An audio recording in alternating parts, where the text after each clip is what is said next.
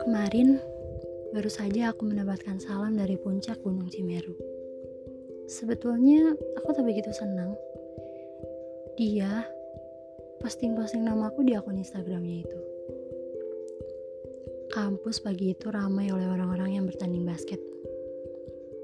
Lihat, kata Cindy kawanku.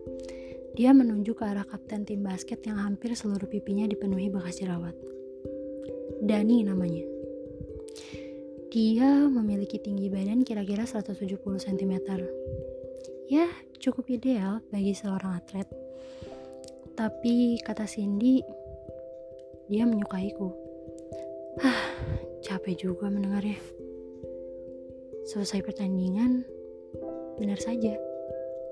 Dia mendekatiku dan menyapaku sedikit tersipu. Aku sedikit ringkih kecuali Cindy yang ganjen dan kegirangan melihatnya. Hah, sialan.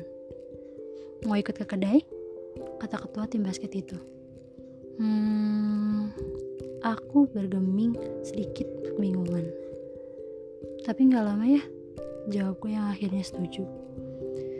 Ah, sudahlah, aku mau semuanya ini lekas berlalu. Pilihan yang bijak, kata Cindy.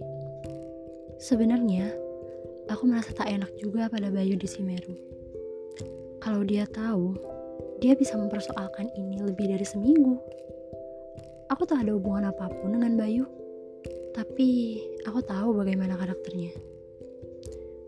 Sesampainya di kedai, sesuatu yang membuatku cukup tercengang.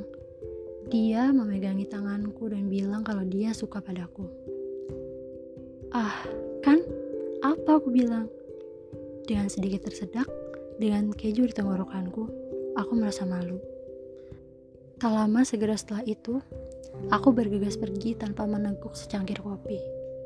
Ah, masa bodoh dengan tenggorokanku yang seret. Awas saja kau Cindy, kau harus mendengarkan ceritaku nanti.